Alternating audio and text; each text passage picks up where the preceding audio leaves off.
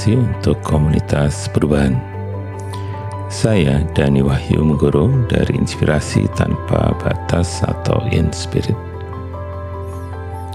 Kali ini saya ingin mengupas kembali tentang Strength Based Thinking atau SPT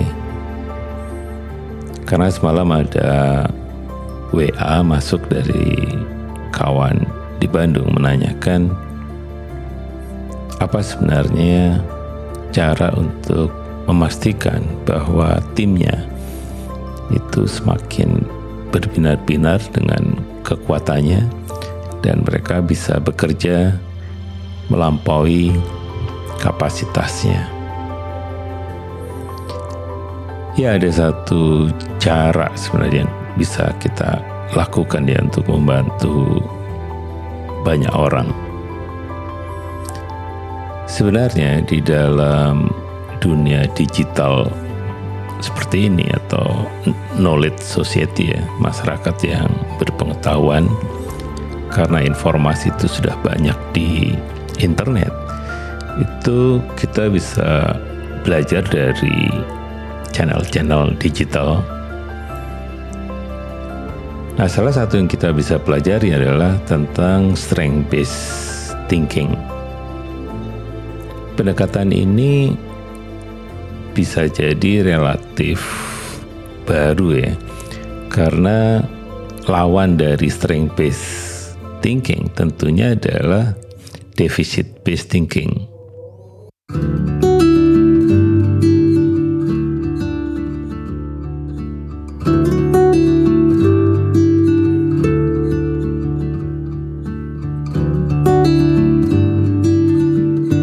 Kalau strength based thinking adalah bagaimana kita melihat ya, apa pun di dunia ini dari perspektif strength atau kekuatan.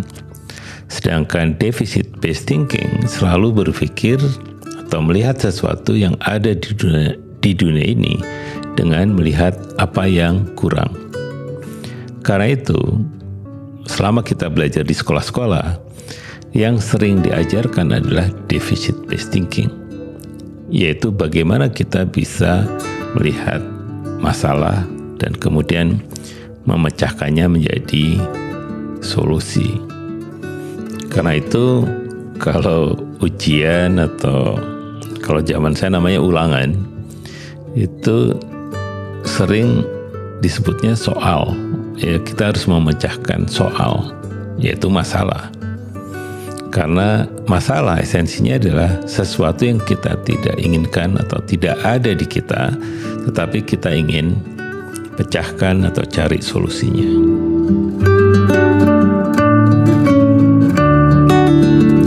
Sedangkan di strength based thinking, itu cara berpikirnya adalah bahwa setiap orang itu sudah keren, Tinggal bagaimana kita menciptakan lingkungan yang membuat kekuatan-kekuatan itu menjadi muncul dan kemudian dimanfaatkan oleh orang itu dan juga organisasinya untuk mencapai kemampuan yang luar biasa atau bagaimana kemampuannya berfungsi sesuai kapasitasnya.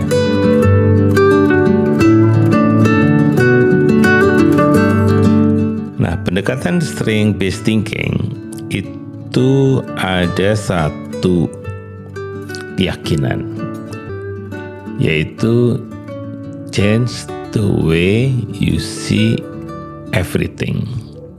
Jadi bagaimana kita melihat segala hal itu dari perspektif yang berbeda. Mengapa demikian? Karena sebenarnya ada satu teori yang lain yang sering juga dipakai oleh kawan-kawannya strength based thinking, misalnya appreciative inquiry, itu menyebutkan bahwa language itu create reality. Jadi bahasalah yang membentuk kenyataan kita.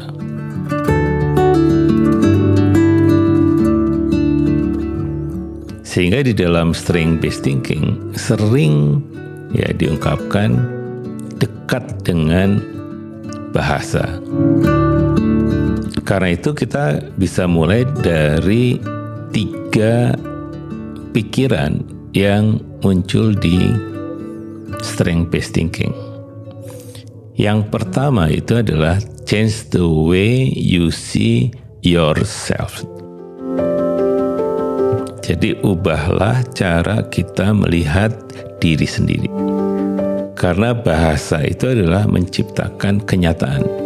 Nah, kalau kita melihat diri kita sebagai orang yang baliknya, kalau kita fokus pada kekuatan-kekuatan yang dimiliki oleh seseorang, bisa bakatnya, bisa juga apa yang sering dilakukan, kemudian apa yang pernah di, diselesaikan untuk mengerjakan sesuatu. Maka di situlah sebenarnya selalu melekat apa yang sering disebut sebagai kekuatan diri. Jadi, di dalam strength based thinking, satu hal yang paling penting atau tahap pertama yang harus dilakukan itu adalah orang harus menemukan kekuatan dirinya. Caranya sebenarnya adalah dengan melihat pengalaman-pengalaman di masa lalu yang merasa pengalaman-pengalaman itu itu keren, beda, berani, dan sesuai dengan apa yang diinginkan. Nah, di sini juga sering disebutkan bahwa pada setiap orang ya itu selalu memiliki kekuatan atau dengan kata lain, sering juga disebutkan bahwa semua orang itu istimewa. Karena semua orang istimewa, semua orang selalu memiliki kekuatan dirinya. Nah, cara mengungkapkannya adalah kita harus kembali ke masa lalu, tetapi bukan mencari sesuatu yang tidak ada di dalam diri kita, tapi justru menemukan cerita-cerita yang kemudian mewakili apa yang menjadi kekuatan-kekuatan yang kita miliki.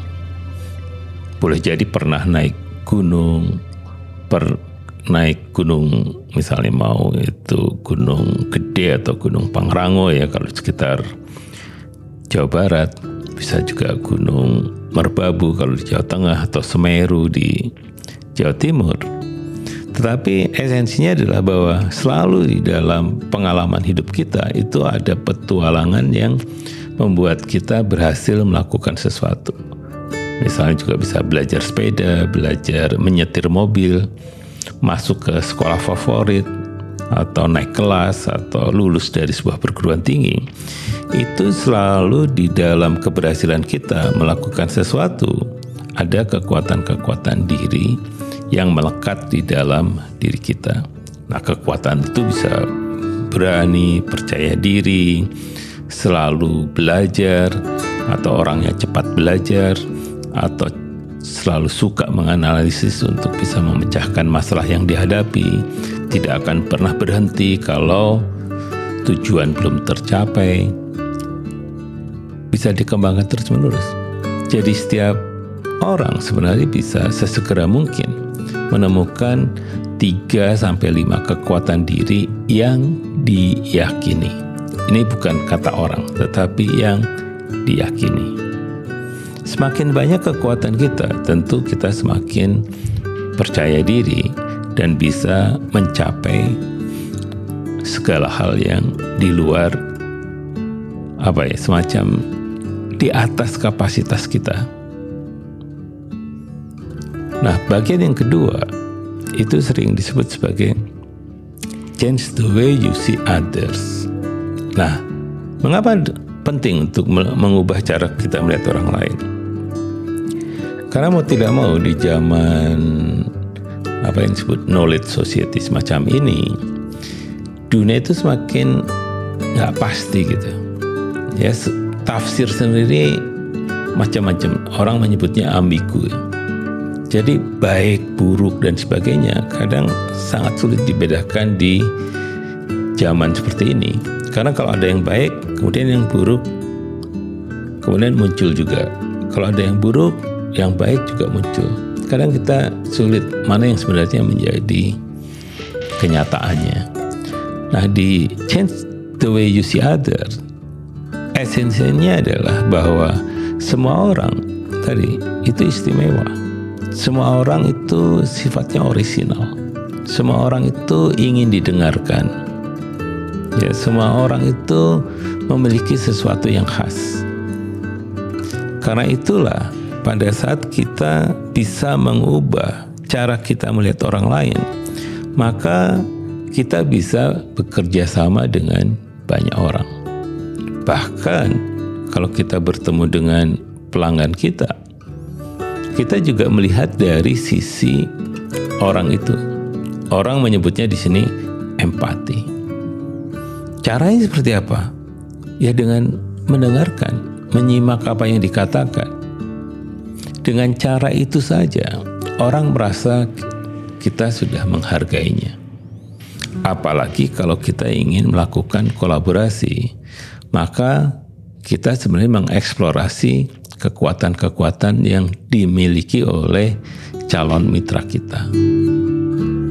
Karena itulah kalau kita fokus pada strength dan orang lain juga fokus pada strength, kemungkinan kolaborasi yang keren itu mudah terjadi. Nah, Caranya sebenarnya adalah dengan bertukar cerita tentang masa lalu yang berhasil dilakukan dan juga bertukar cerita tentang impian-impian yang ingin diwujudkan, maka kita bisa lebih mudah untuk berkolaborasi dengan banyak orang.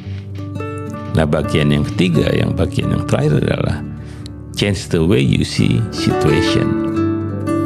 Nah ini kadang kita sering melihat bahwa situasinya tidak sempurna. Situasinya tidak membantu kita untuk mencapai tujuan kita.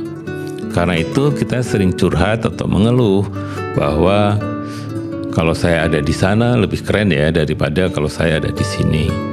Atau saya kalau dipindah ke sana itu lebih basah daripada kalau di sini. Nah, situasi ini sebenarnya tidak terlalu benar. Karena itulah kita di dalam strength based thinking menyebutkannya adalah justru change the way you see situation. Situasi apa pun akan selalu dilihat sebagai peluang.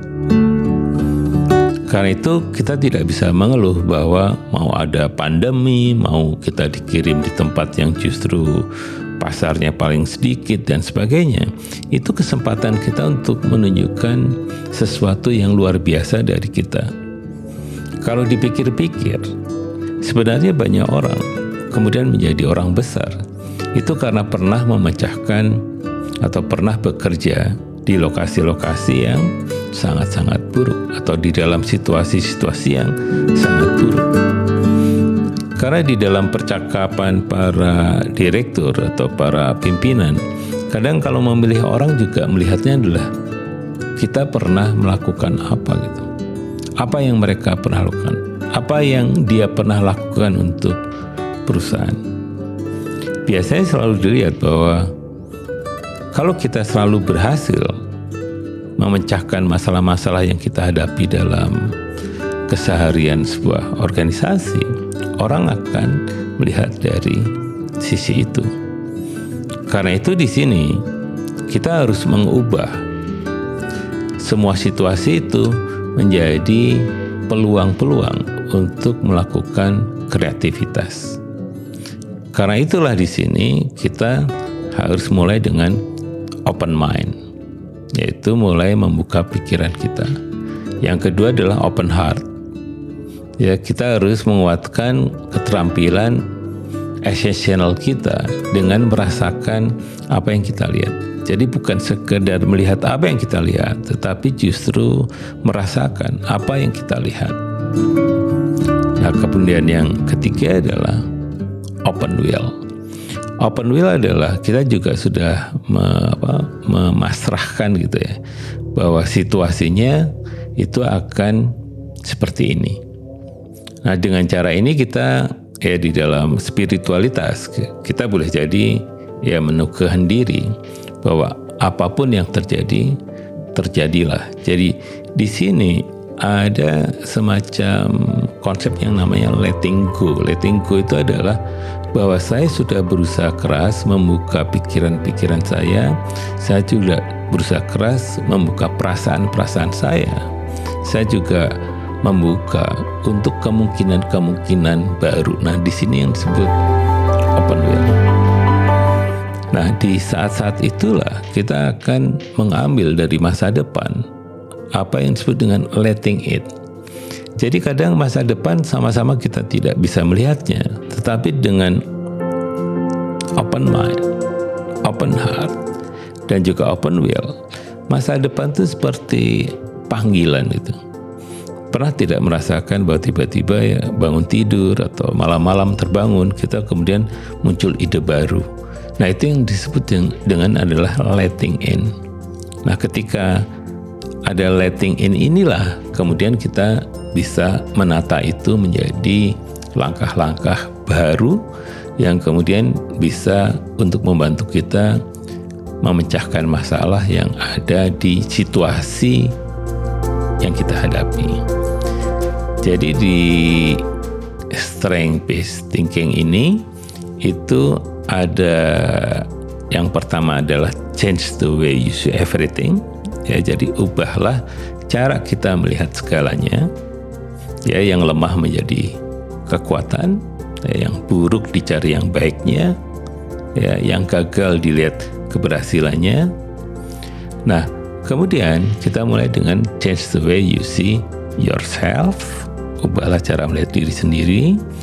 Change the way you see others agar kita bisa bekerja sama dengan orang lain.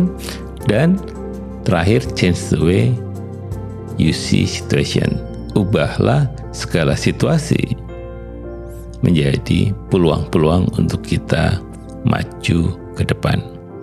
Demikian tadi ya review dari apa yang disebut dengan asset based thinking atau strength based thinking, cara berpikir yang bertumpu pada kekuatan. Nah, kami di Inikoper percaya bahwa mengulang materi-materi yang lalu itu juga tetap berguna untuk refresh yang kemudian bisa bermanfaat bagi komunitas perubahan yang ingin membuat masa depan menjadi lebih baik. Sampai jumpa pada edisi berikutnya.